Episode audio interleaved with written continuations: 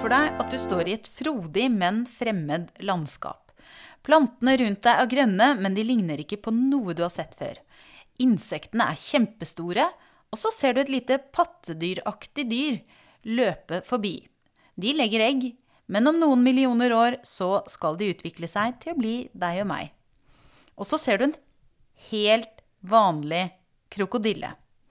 Og den ser akkurat ut som i våre dager. Hvorfor går evolusjonen så fort for noen, mens tiden tilsynelatende står helt stille for andre, selv når landskapet rundt dem er nesten ugjenkjennelig? Vi har med oss evolusjonsbiolog Kjetil Lysne Woie, som er ekspert på akkurat dette. Velkommen. Takk for det. Og da er vi veldig nysgjerrige, da. Hva går egentlig evolusjonsteorien ut på? Evolusjonsteorien det er jo på en måte den eh, beste forklaringa vi har akkurat nå eh, for å forklare eh, hvordan de ulike livsformene som fins, hvordan de har over mange millioner år utviklet seg fra tidligere former. Så det er på en måte et sett da, av av eh, Eller ofte så liker jeg å snakke mer om evolusjonsbiologi enn evolusjonsteori. Eh, man kan jo kanskje si at Darwin eh, var grunnleggeren av evolusjon som moderne vitenskap. Han kom med sin evolusjonsteori da han publiserte 'Artenes opprinnelse' i 1859. Men evolusjonsbiologi er et mye videre og bredere fag enn bare det Darwin serverte oss. Hva er det du, hva er det du tar med av ekstra ting da?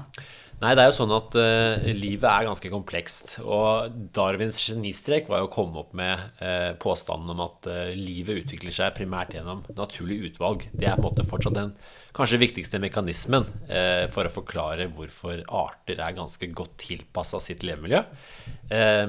men vi har heldigvis lært en god del siden Darwins tid. Eh, evolusjonsbiologi har utvikla seg i stor grad til å bli et ganske matematisk og statistisk tungt fag. Eh, vi har lært eh, mer om hvordan vi kan predikere hvordan endringer skjer osv. Altså Dvs. Si forutsi hva som skal skje? F.eks.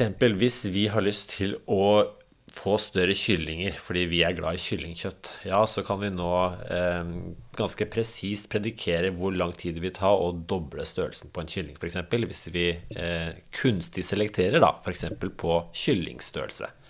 Men, eh, er, det, er, det, noen som har brukt uh, den kunnskapen til det holdt jeg på å si, uh, allerede? Eller, eller det, har bøndene sine egne metoder?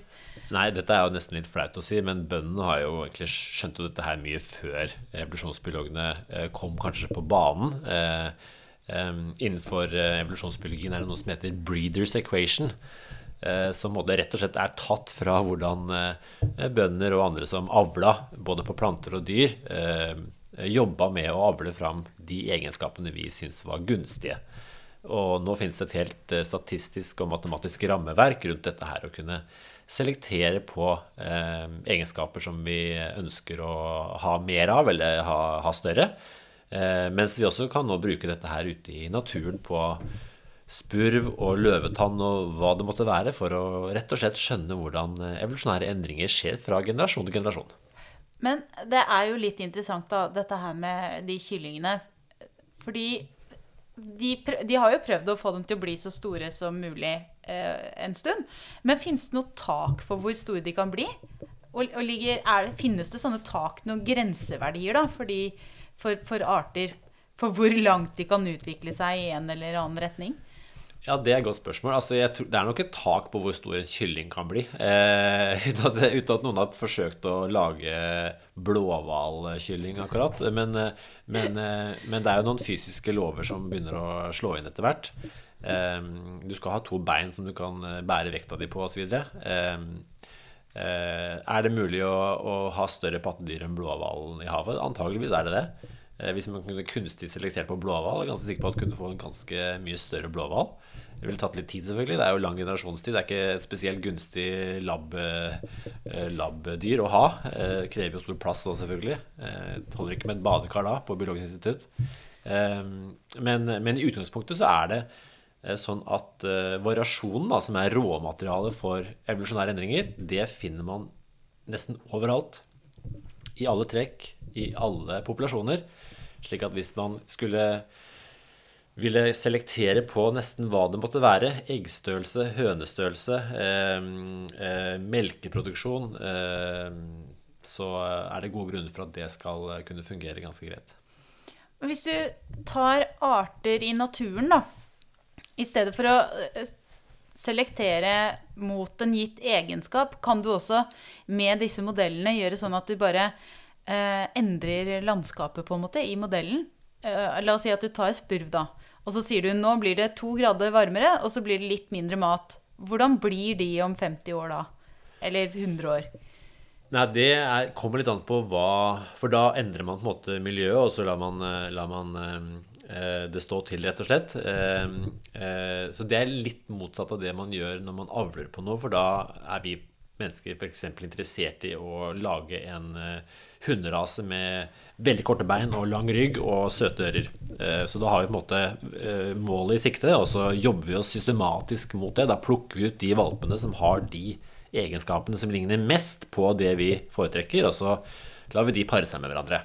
Eh, men hvis man heller sier ok, nå skrur vi opp temperaturen et par knepp og, og gjør døgnet at det er mer lys f.eks. enn mørkt, så er det litt mer vanskelig å si hvilke egenskaper som da er nyttig hos f.eks. spurv. Da.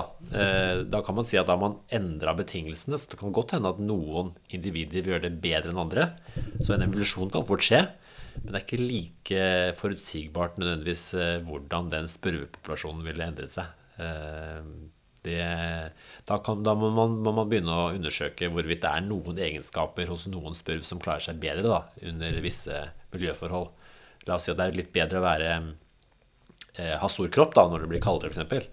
Det er ofte en sånn tendens til at eh, pattedyr er litt større mot eh, polene enn de er nødvendigvis rundt ekvator.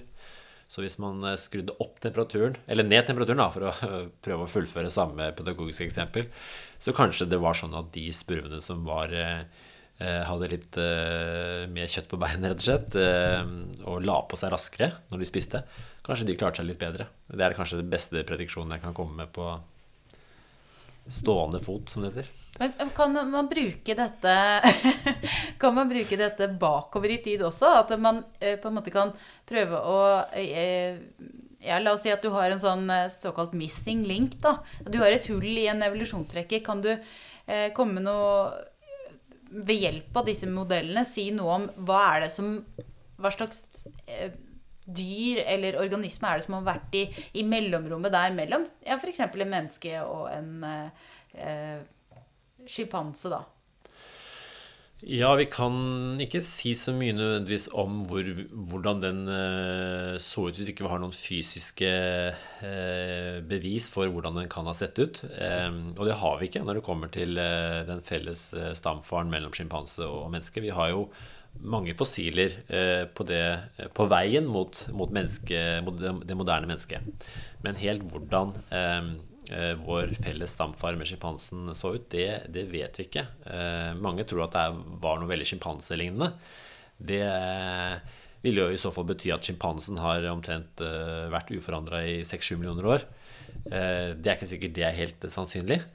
men det vi kan slå fast, og det er kanskje en av de nye tingene da, som vi har lært etter Darwin, det er at det er et enormt stort potensial for evolusjonær endring. Eh, så mange tror jo at, eh, at evolusjonsbiologer eh, prøver å forklare hvordan ting kan endre seg. Og det er i og for seg riktig, men det er faktisk en større utfordring for evolusjonsbiologer å forklare hvorfor ting ikke har endret seg raskere. For det er altså så mye, som oftest, genetisk variasjon i trekk, slik at du kan du kan doble størrelsen Nå kommer vi tilbake til disse hønene igjen, da, men la oss si en høne. da, Du kan fint eh, tidoble størrelsen til en høne på 40 generasjoner. Eh, men eh, i det fossile materialet så er det jo ikke i nærheten av sånne enorme, raske endringer som vi ser. Så, så hva er det som egentlig holder evolusjonen tilbake? da? Det er uh, noe mange evolusjonsbiologer funderer på. Du har jo vært litt inne på det vi, Hvis vi tenker oss den krokodillen som jeg beskrev i, i introen det er jo noe du har eh, sett litt nærmere på. Eh, fossile rekker av krokodiller, rett og slett. Kan du si litt om hva er det du Hva, hva, fant du? Jeg skulle ønske jeg hadde jobba med fossilkrokodiller. Jeg har ikke det, dessverre. Det er, det er, eh, men jeg har jobba veldig mye med, med andre typer fossile data. Alt fra Og data da hvordan én en enkel art endrer seg over tid. Alt fra kiselalger eh, i innsjøer til, til mammuter. Eh, og målet med den forskningen da, har vært å prøve å forstå eh, hvor raskt er det egentlig evolusjon foregår. Hvis, hvis, vi ser så mye evolusjon på kort tidsskala, og ikke minst så stort potensial for evolusjon fra én generasjon til neste, ser vi ikke større endringer på lang tidsskala? Og, og det jeg og andre har funnet ut, er at det foregår mye evolusjon hele tida. Det kan fossilene fortelle oss. Men de eh, endringene skjer ikke i en og samme retning. De går bare fram og tilbake. Eh, Dvs. Si at la oss si hvis vi eh, studerer størrelse da, på, et, på, en, på, en, art, så følger vi denne arten gjennom la oss si 400 000 år. Så da har vi data da, ganske ofte gjennom 400 000 år på hvordan denne arten har sett ut. Og da ser vi egentlig at den blir litt større, litt mindre. Så blir den litt større igjen, kanskje enda litt større, men så er den tilbake til liten igjen. Og, så, og sånn fortsetter vi da over 400 000 år, slik at det skjer mye evolusjon, men det er ikke spesielt mye som akkumuleres over tid, på en måte. Det er ikke sånn at ting blir jevnt større eller jevnt mindre. Slik at eh, evolusjonsprosessen eh, ser ut til å foregå hele veien, men det er ikke sånn at eh, det ser ut til at det skjer så mye. Det er jo litt, uh, litt interessant. Hva er, hva er, egentlig det, mest, det som har forundret deg mest når du har uh, sett på fossile rekker? Det er uh, kanskje hvor imponerende det er at folk har stått ute i steikende varme, ofte ute i ørkenen, og delt steiner og tatt med alt dette i målt og brukt tiår av livet sitt på dette. Det er fantastiske data. så det, det, tenker jeg på stadig vekk når en sånn eh, datamaskinbiolog som meg selv sitter og analyserer disse dataene. Eh, så stor takk til dem som gjør dette her. Eh, eh, men ellers så er det sånn rent tilbake til det biologiske, så er det egentlig forbløffende at det ikke er mer endring når vi vet at miljøet til arter, eh, tilsynelatende i hvert fall, er i ganske eh, kontinuerlig endring. Det er jo, Krokodillen ble jo nevnt, og det er jo en art som tilsynelatende ser ut til å ha funnet sitt miljø. Eh, det finnes ulike arter krokodiller, men det har en del eh, krokodiller som finnes i, i elver, f.eks. Eh, det er godt mulig at elve, elvemiljøet har holdt seg rimelig konstant over mange millioner år, og sånn sett har det kanskje ikke vært så stort behov for krokodiller å endre seg nevneverdig. Samtidig er det fortsatt ganske forbløffende, for andre arter som lever i elver, de kan jo konkurrere om de samme ressursene som krokodiller gjør. Eh, hvis noen andre arter som er i nærheten av krokodiller, blir plutselig gode da, til, å, til, å, eh, løse en oppgave som eh, går utover krokodillen på et vis, har det aldri vært behov for krokodillene å eh, skal vi si, endre seg via evolusjon for å ta igjen forspranget. Men, det er uvisst. Går det an å tenke seg at de da har blitt perfekte? Eh, eller kan man si noe som helst sånt uh, i en biologisk setting? At, uh, at en art liksom har blitt perfekt og nådd sitt fulle potensial? Nå er det jo sånn at evolusjon gjennom naturlig utvalg, som er den mekanismen som, som gjør at populasjoner tilpasser seg miljøet, Ehm, den, den, vil jo alltid kun tilpasse organismen til det miljøet som fins. Slik at hvis miljøet endrer seg, ja, da er ikke lenger organismen spesielt godt tilpassa, eller perfekt tilpassa, i hvert fall det miljøet. Ehm, så eh, gitt at miljøet alltid er i endring, så er det faktisk ingen arter som er eh, helt perfekt tilpassa. Eh, det vil jeg si er oftere unntaket enn faktisk regelen. Det er jo det jeg er ganske sikker på gjelder for krokodiller som, som oss mennesker. Men da er det jo også fristende å spørre om eh, dette med eh, uintelligent design. Altså Har du noen gang på en måte blitt overrasket over hvor gæli det kan se ut, og så allikevel fungere? Ja, det, det, er det veldig mange gode eksempler på. Eh, og ikke bare uintelligent design. Det er i og for seg et, for seg et veldig godt eh, og, og, og, fint uttrykk. Jeg vil si livsfarlig design er, eh, kan man godt eh, kalle det. Altså, vi driver vi har kost oss med pizza rett før vi trykka på eh, startknappen her. Da har vi altså dytta pizza ned i det samme hullet som vi er helt avhengig av for å puste nødvendig oksygen. Hadde en ingeniør laga en sånn løsning, tror jeg hadde vært stryk på eksamen. Slik at det finnes mange slike type eksempler på at kroppene våre ikke er den perfekte maskinen som vi kanskje liker å tro. Men da er det kanskje sånn at så lenge vi er en art som er veldig tilpasningsdyktig, så, måte, så, overlever man. Og sånn er det kanskje for andre arter også. At det er om å gjøre å være mest mulig tilpasningsdyktig, så er du med videre i potten neste gang det skjer en endring. Ja, vi mennesker har jo den fantastiske evnen at vi har denne utrolig flotte hjernen vår som gjør at vi eh, er gode problemløsere. Blir det kaldt, så tar vi på oss en ekstra jakke, og vi har på en måte en helt annen eh, intellektuell kapital da, sammenlignet med mange andre arter. Eh, hvor lett det er å, å skal vi si justere atferden hvis du er et insekt som er mer litt sånn hardwira hjernen din, der det ikke er så mye spillerom for, for intuisjon og, og, og, sånne ting. Så det, det, det er vanskeligere å si. Så, men da er man tilbake da på hvor uh, stor evne disse artene egentlig har til å endre seg da, når miljøet eh, endrer seg. Og det tilsynelatende har de et eh, stort potensial for å kunne, en, kunne endre seg når miljøet endrer seg. Ehm, men eh, det fossile materialet forteller oss at det ikke alltid har skjedd. Og det er Man kan jo kanskje si da at eh, eh, den ultimate feilen til å, til å, tilpasse seg er jo å dø ut. Og de aller fleste arter som noen gang har eksistert, har jo dødd ut. Så det å være mistilpassa i så stor grad at man rett og slett ikke overlever, det er en særdeles vanlig skjebne for, for arter på jorda. Men Har det noen gang skjedd at, eh, at de ikke har dødd ut, men de har rett og slett eh, endret seg så mye at eh, vi ikke kjenner dem igjen? Det er nok sant. Det har nok eh, sikkert skjedd. Eh, det er på en måte vanskelig å bevise det, for hvis vi hadde kunnet se det, så hadde det ikke endra seg nok til at ikke vi ikke kunne kjenne dem igjen, på en måte.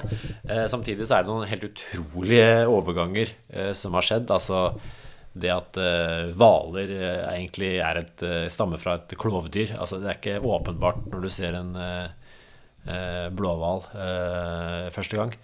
Ja, Den er liksom litt i slekt med en hest eller et eller annet? Rett og slett. sånn at, sånn at det, er, det er nok sånn at evolusjon kan endre arter såpass fundamentalt at det ikke er åpenbart hvor, hva utgangspunktet var. Nettopp. Men er det noen som bruker disse tingene som argument mot evolusjonsteorien? Eller hva er de vanligste argumentene for at nei, her de en, en, Artene endrer seg ikke, eller de, de, endrer seg så mye at vi ikke kjenner dem igjen. Er det noen som bruker det som sånn motargumenter og sier at nei, det er ikke en spesielt uh, god teori? Ja, altså det er, eh, det er, jo Jeg pleier å si at det er en av frynsegodene med å være revolusjonsbiolog. Det er å få en del henvendelser fra personer som er særdeles kritiske til det man eh, jobber med. Um, og det er en fin måte å skjerpe egen retorikk på og prøve å tenke ut pedagogiske måter å, å forklare sine egne argumenter. Um, jeg tror vel at det er veldig mange Eller det er forskjellige grunner til hvorfor en del mennesker er skeptiske til evolusjonsbiologi. Og jeg tror det er eh, fair å si at en del av de eh, eh, grunnene skyldes religiøs overbevisning. Men også det kan deles opp i ulike kategorier. Klart, Er du overbevist om at jorda er omtrent 6000 år gammel, så er det vanskelig, og det skjønner jeg, at, at, at livet har utviklet seg fra en urcelle til det fantastiske mangfoldet vi har i dag. Det, den, er, den er grei. Eh, så eh, hvis alt har foregått på 6000 år, så har revolusjonsbiologien et forklaringsproblem. Den er jeg med på. Eh, mens andre er jo åpne for ideen om at jorda er mye eldre enn det, men viser samtidig tydelig tvil da, på at evolusjon faktisk er reelt. Og mange peker da på at de tror på det man kaller mikroevolusjon. Altså man ser på endringer over noen få generasjoner. Eh, Vi trenger ny influensavaksine hvert år fordi eh, influensaviruset har endra seg litt eh, fra forrige sesong. Eh, små justeringer i arvematerialet som man da kaller revolusjon, og som er revolusjon. Men å gå derfra og akseptere de små endringene til å si at evolusjon også kan danne grunnlaget for nye arter, det er eh, for mange vanskelig. Um, og det går ut på at de føler at det er på en måte eh, oppspinn. Altså det er på en måte, da, må vi, da må vi virkelig eh, eh, må vi dra det langt for at det skal være sant. andre eh, Det er jo veldig Jeg vet ikke om det er riktig å si at det er inn i tiden å være kritisk til, til til eh, akademia osv., men alternative fakta og det at det blir sånn, nærmest et kulturelt fenomen å være litt sånn imot vitenskapelige eh, eh, forklaringer, det kan også være en, en, et element i en del eh, av den motstanden som man observerer mot evolusjonsbiologien. Eh, og så tror jeg faktisk en fjerde kategori er de menneskene som rett og slett har, har ikke fått eh, den informasjonen de trenger. Jeg tror eh, man formes veldig av det man eh, lærer tidlig. Eh, og har man fått innprenta at Darwin var en dust, og at det er ingen som forventer at en fisk skal skulle skulle føde en, en, et pattedyr. Hvis det, er, hvis det, er, sånn man lærer at evolusjonsbiologien henger sammen, så skjønner jeg godt at de stusser litt på det. Men da er jo da kan man jo berolige den med da, at det er ingen som eh, påstår at det er nettopp sånn det skjedde. Eh, kanskje, et, hvis er for lov, en enda, enda en grunn er at mange syns det er litt for vanskelig å tro at vi mennesker og alt annet liv er blitt til ved en tilfeldighet. Det er også et vanlig argument mot evolusjonsbiologien. Ja, hva svarer du da? Da svarer jeg at jeg er helt enig med dem i. Det, det, det, virker for utrolig. Eh, for det er ikke sånn at evolusjon er en tilfeldig prosess. Eh, vi kan jo si at eh, vi kan dele det opp i to. Vi trenger variasjon for å ha evolusjon gjennom naturlig utvalg. Og den variasjonen, den stammer Eller hovedkilden til den variasjonen er mutasjoner.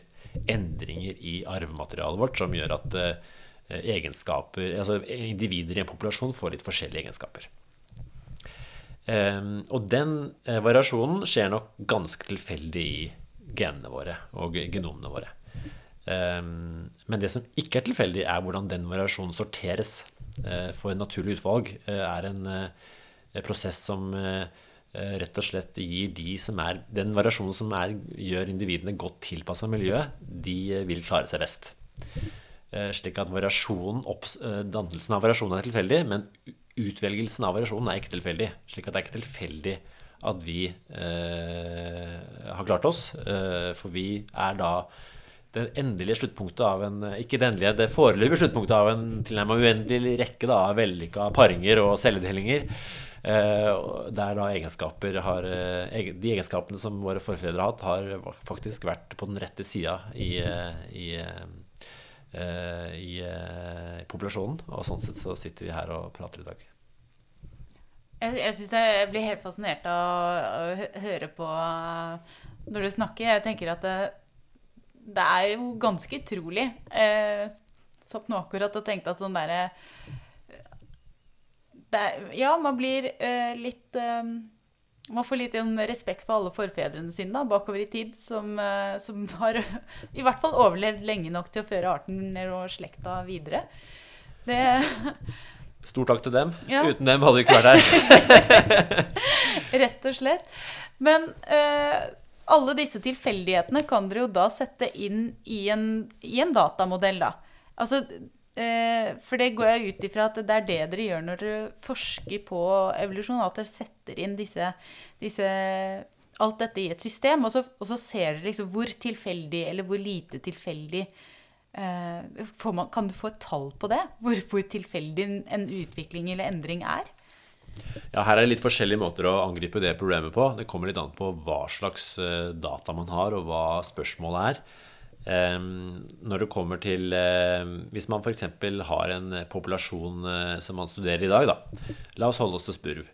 Hvis man er interessert i å finne ut ok, er det sånn at de spurvene med størst nebb eh, ser ut til å ha en fordel, ja, da eh, tar man på seg støvlene og regnjakka og fleecegenseren. Det er liksom uniformen til biologene. Og så går man ut, og så måler man masse nebb eh, hos spurv.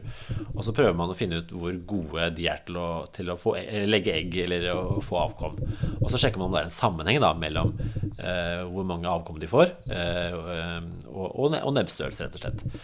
Og hvis det er en sammenheng der, så er det da tyder det på at eh, ok, det trekket man har da fokusert på, nebbstørrelse, det, det samvarierer, som vi sier. Det, det har en sammenheng med, med, hvor godt det gjør det. Eh, og da er det nærliggende å tro at de genene, eller genvariantene som, eh, som gir noen fugler større nebb, de vil da i større grad bli overført til neste generasjon. Så det er på en måte én måte å undersøke årsakssammenhenger da, mellom seleksjonsprosessen ute i naturen og, og, og og eh, endring i en populasjon. Eh, Men når du forsker på evolusjonsbiologi, er det sånne årsakssammenhenger du er mest interessert i å finne? Eller hva er, hva, hva er de store spørsmålene dere lurer på? Fordi nå har vi liksom eh, Teorien er, ganske godt forankra, tenker jeg da. Så, så hva, liksom, hva, lurer vi på nå? Og det er veldig mye vi lurer på. F.eks. så lurer vi på Ok, eh, La oss si at uh, vi finner at uh, spurv med store nebb gjør det alltid bedre enn spurv med små nebb. La oss, la oss late som at det er sant. Hvorfor ser vi ikke da spurver, at de spurvene bare får større og større og større nebb? hva er det som stopper dem fra det? F.eks. hvorfor har ikke gevirer er en, en vanlig måte å tøffe seg for damene på og slåss med andre hanner innenfor en, en del, del pattedyr. Eh, hvorfor ser vi ikke da bare enorme gevirer, hvis det er måte gevirstørrelsen som er viktigst? Eh, og det handler litt om at eh, egenskaper kan ikke nødvendigvis studeres i isolasjon. For, for de genene som styrer én egenskap, f.eks. gevirstørrelse, de styrer, styrer, også med kroppsstørrelse og en del andre egenskaper. Slik at hvis man endrer slik, slik, at eh, mange gener Det er en saus, da, en suppe av gener som måtte kontrollere de samme egenskapene.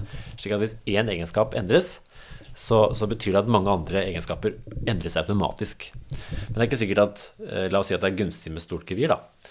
Men det er ikke gunstig å endre de andre egenskapene, som er ganske allerede godt tilpassa det miljøet arten lever i. Så vil det ikke nødvendigvis være stor seleksjon for å endre alle de andre egenskapene også. slik at da er det seleksjon i andre retningen igjen på de egenskapene. Slik at i sum så er det sikkert masse seleksjon på masse trekk, men det er ikke sikkert det blir noen endring fra generasjon til generasjon. Så det å forstå hvordan trekk samvarierer, hvordan seleksjon virker på alle disse trekkene, eh, det er på en måte noe som eh, er en berikelse for å forstå kompleksiteten i eh, hvordan arter evolverer, hvorfor de ikke evolverer. Og, og, det eh, er det, der er det fortsatt store lerret å bleke for å bedre skjønne de prosessene der. Hvis du, hvis du skulle liksom se deg selv i denne forskerkarrieren da, framover, hva er, det, hva er liksom det du virkelig skulle ønske deg at du fant svaret på? Um, oi, det er mye. Men, um, og, og, jeg er en uh, bitte, bitte, bitte liten brikke i dette her. Det vi virkelig trenger å lære uh, for å bringe feltet langt videre, ettersom jeg ser det, det er å bedre skjønne hvordan den genetiske variasjonen henger sammen med den eh, fenotypiske variasjonen som det heter. Variasjonen som vi kan eh, i kroppene til dyr og planter. Eh, altså, hvordan den henger sammen. Oppskriften, hvordan den henger sammen med det vi faktisk ser. Riktig. For det er ikke sånn at eh, Det er veldig veldig sjelden at det er ett gen som styrer én egenskap. Vanligvis er det mange gener som styrer én egenskap, og de genene styrer også en haug av andre egenskaper. Slik at eh, for virkelig å få oversikt over hvordan eh, eh, eh, seleksjon på ett eller tre trekk kan forandre en organisme, så må vi ha eh, ville det vært gunstig i hvert fall å ha en bedre oversikt over eh, genotype, fenotype, kartet som det kalles. Altså hvordan variasjon på det ene nivået på genene, hvordan det henger sammen med eh, fenotypenivået. for det er fenotypenivået som naturlig utvalg virker på. genene de produserer en kropp og så er det kroppen som naturlig utvalg ser eh, og velger ut ifra. Eh, og, sånn sett blir genvariantene eh, valgt på. Men akkurat nå så er det nesten Jeg vil våge å påstå at vi vet veldig, veldig lite om hvordan genene interagerer for å produsere morfologien og fenotypen. Man trodde jo en stund, litt optimistisk kanskje, at når det humane genom var kartlagt, så var, da var mye gjort. Men det viste seg at det var jo bare å åpne så vi skraper litt i overflaten for hvordan genene samvarierer og virker sammen for å produsere det som er oss. Det er fryktelig komplekst, men det er dessverre det er på en måte kunnskap som vi gjerne skulle hatt for å bedre forstå hvordan eh, evolusjonen virker. Fra generasjon til generasjon. Er, er, det det du forsker på for, tiden? På ingen måte. er det lov å spørre om det? Nå skisserte jeg bare hva jeg virkelig tror ja. vi trenger for å gjøre et eh, sjumilssteg videre. Ja, men det var jo spørsmålet også, for så vidt. Men, uh, så det skulle jeg sikkert jobba på. Eller jobba med. men det er det mange flinke folk som gjør. Uh, Nei, jeg jobber Jeg er en sånn type som uh, er veldig interessert i hvordan enkelte arter endrer seg. Så jeg har over de siste åra samla et veldig stort datasett på hvordan, uh, hvordan enkeltarter endrer seg. Alt fra finkene på Galapagos eh, har endra seg i over 40, 40, år, til hvordan uh, Eh, F.eks. Eh, diatomer, diatomer eh, endrer seg i innsjøer over noen hundre tusen år.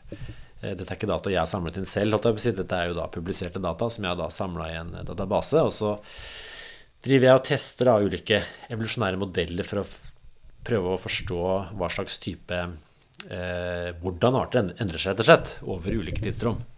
Eh, endrer de seg mye? Endrer de seg lite? Eh, har de en, har de en en dynamikk som vi kan kjenne igjen fra, fra eh, teori som vi har bygd eh, opp rundt eh, å forstå generasjonelle endringer. Funker de modellene også når vi ser på endringer som dreier seg om over ja, 100 000 år? Jeg håper Ja, jeg gleder meg til svaret. Du, du, det gjør jeg òg.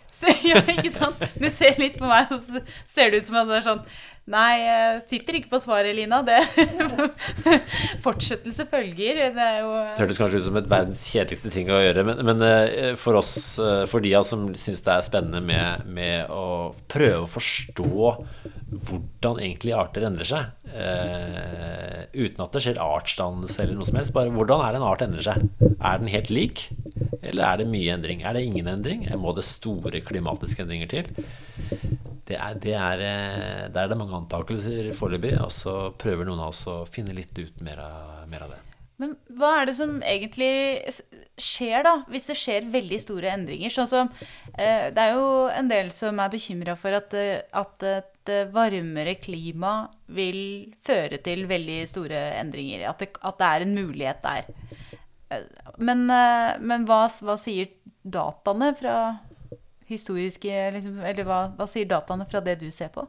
Det er en av motivasjonene for å gjøre et sånt studium. rett og slett, Det er å på en måte prøve å, å undersøke litt eh, Ok, vi vet at potensialet for evolusjon er stort. Det vet vi basert på eh, hundrevis av studier av nålevende arter.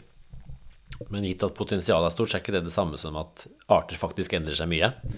Så litt av, eh, litt av motivasjonen her er å prøve å undersøke hvor mye er det egentlig arter endrer seg over ulike tidsrom.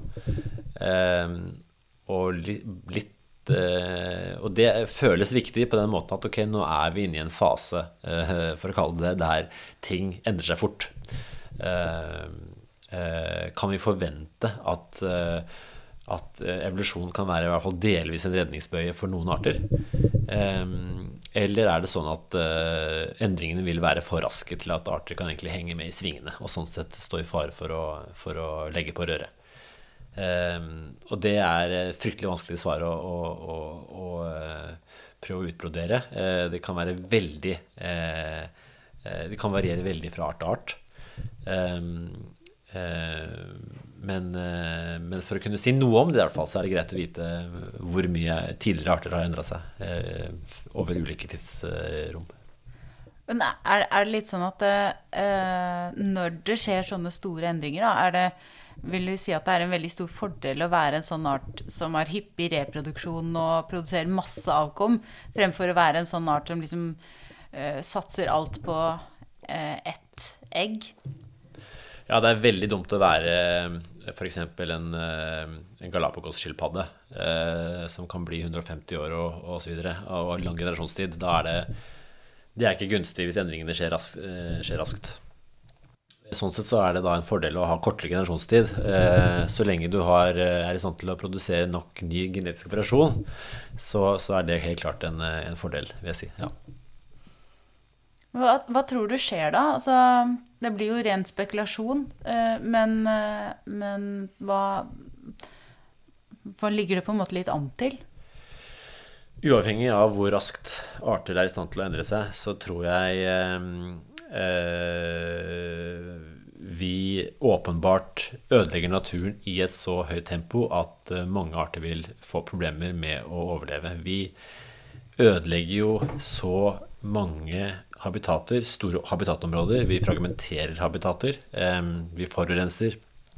Vi introduserer nye arter. Altså det er så mange eh, utfordringer eh, for mange arter. Eh, sånn at uansett hvor raskt de skulle være i stand til å evaluere, så, så er det mange som antageligvis Eller som vi vet er i, i rød sone, og også mange flere vil antageligvis være i fare for å, for å ikke eksistere veldig lenge. Slik at eh, eh, Jeg nevnte evolusjon som redningsbøye tidligere. Det, det er, eh, for noen arter kan kanskje det være aktuelt, men for de aller fleste altså du en, Hvis du er en skoglevende art, og den skogen blir borte, så kan du bare glemme å evolvere raskt nok til å kunne plutselig overleve på steppene, f.eks. Det, det er lite sannsynlig for de aller fleste arter, i hvert fall. Mm. Med mindre du da viser seg at steppene kanskje var et bedre sted, og at det var en tilfeldighet at du var i skogen. Eller kan det skje? på en måte? For, for all del. Og dette varierer jo fra art til art. Altså noen, eh, noen arter trives jo i byen. Ikke sant? Det er blitt eh, altså Spurven, gråspurven, eh, er jo her finner man der hvor mennesket er. Altså Den har lært å samme, leve sammen med oss. Eh, det var vel neppe noe eh, Det var litt tilfeldig kanskje at den hadde de egenskapene som gjorde det mulig for den. Eh, for mange andre arter vil det fort være vanskeligere. Så, så nye muligheter vil selvfølgelig oppstå for noen arter, men for mange arter vil nok det tempoet som vi ødelegger natur i, være et, en litt for stor utfordring, frykter jeg i hvert fall. Jeg, jeg kjenner at jeg blir litt trist av å snakke om det. Uh, du no, kan du si noe mer håpefullt? Ja, jeg tror at mennesket er i stand til å kunne finne konstruktive løsninger. Eh, det tror jeg virkelig. Eh, historien har vist oss både gode eksempler og ganske dårlige eksempler på det. Men, men, eh, men eh, jeg tror økt bevisstgjøring rundt hva som er i ferd med å skje, eh, ikke minst hos Eh, politikere og vi som stemmer, må velge de politikerne som ønsker å gjøre noe med problemet. Eh, problemet er ikke enkelt å løse, og det er eh, internasjonalt og globalt. Eh, men, eh, og arter kommer til å dø ut, men eh, jeg tror på en bedre verden i, på sikt. Ja, det høres veldig, veldig bra ut. Altså bedre verden på sikt. Verden er på mange måter et fantastisk sted for mange mennesker. det er ikke sånn at alt er svart, men men eh, jeg tror på at vi kan snu utviklingen eh, der vi ødelegger mer og mer natur. Eh, det tror jeg vi for vårt eget beste bør bremse opp. Men tilbake til, til evolusjonen. Ehm, er det sånn at alle typer egenskaper kan utvikles? Kunne vi på en måte sett for oss at noen ja, at alle, alle, dyr på en måte spontant kunne få bedre varmetoleranse, f.eks.? Ja, altså nei. Eller det, det, er et godt spørsmål igjen. Altså eh, om alle egenskaper kan utvikles. Eh, la oss si at vi så det som lite sannsynlig at det kom til å være pattedyr som fløy rundt eh, før vi oppdaga flaggermus. Det er jo lett å tenke det, men jaggu så fins det ikke flaggermus som driver og flakser rundt. Eh, eh, det finnes hvaler som egentlig er pattedyr, og som har nesa på hodet. Altså, det, er jo, det, er jo, et merkelig dyr på mange måter, som egentlig eh, opprinnelig hørte til på land. Eh, så evolusjonen kan være lunefull en gang iblant, og, og, og, og så videre. Men flygende griser, f.eks., er det lite sannsynlig for at vi ser også om flere millioner år, vil jeg påstå. Og det handler litt om at Eh, grisens eh, morfologi. Eh, det er en lang vei å gå der før den kan ta til lufta. Ikke er det noe særlig å selektere på for å lage vinger heller. Sånn at utgangspunktet begrenser, da. Og jeg tror kanskje begrensningene kanskje er i overkant store for, for, eh, for grisens evne til å flakse rundt. Ja, hva tenker du om, eh, om eh, sånne ja, fiktive, fiktive vesener da, som flygende griser? Eller f.eks. Ja, oldtidens drager eller havfruer eller eh, Nå har vi jo andre verktøy eh, som på en måte kan hjelpe evolusjonen litt. Sånn eh, CRISPR og andre, andre ting. Eh, finnes det grenser for hva vi kan gjøre Tatt den teknologien i bruk, da? Ja, CRISPR er jo fantastisk. Men der er vi litt tilbake til eh, store, den store utfordringa. Dette med at eh, vi mangler egentlig en god oversikt over hvordan gener eh, interagerer med hverandre for å produsere en fiks ferdig kropp.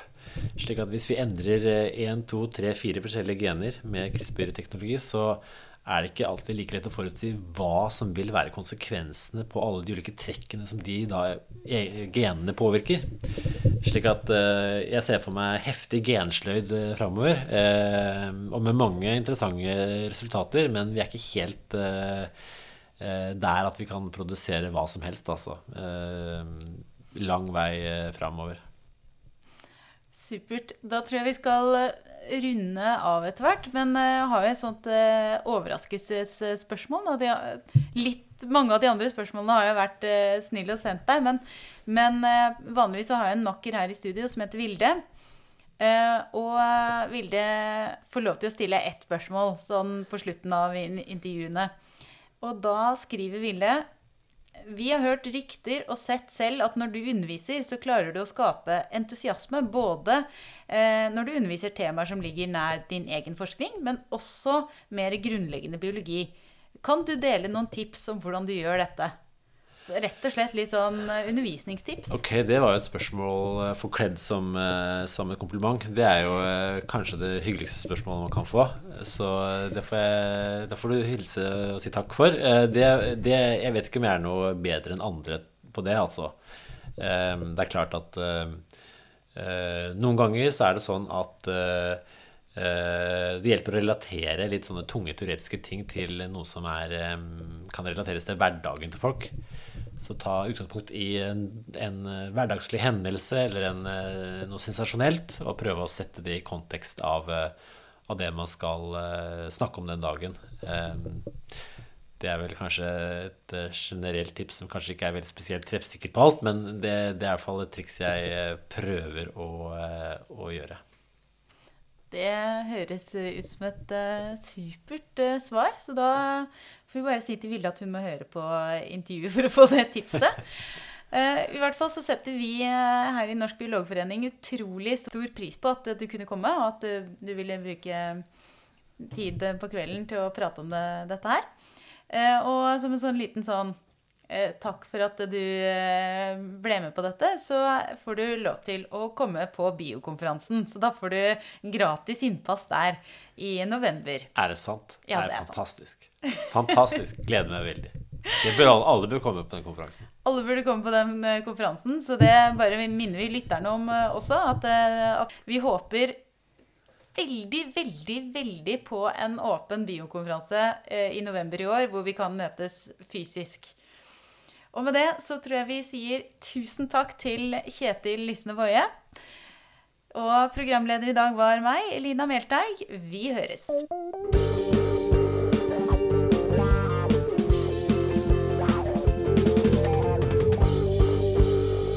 Har nå hørt Biopodden intervju med Elina Melteig. Og med på laget har jeg også Torborg Galtland, daglig leder i Norsk biologforening. Musikken du hørte, er laget av biologibandet Overgump og består av Even Sletting Garvang, Markus Fjelle, Erik Møller, Mathias Kirkeby og Audun Rugstad. Fortell gjerne om podkasten til venner og kjente, og gi oss tips og tilbakemeldinger på e-posten biopodden at bio.no. Og hvis du vil støtte oss, er du hjertelig velkommen som medlem av Norsk biologforening. Vi høres!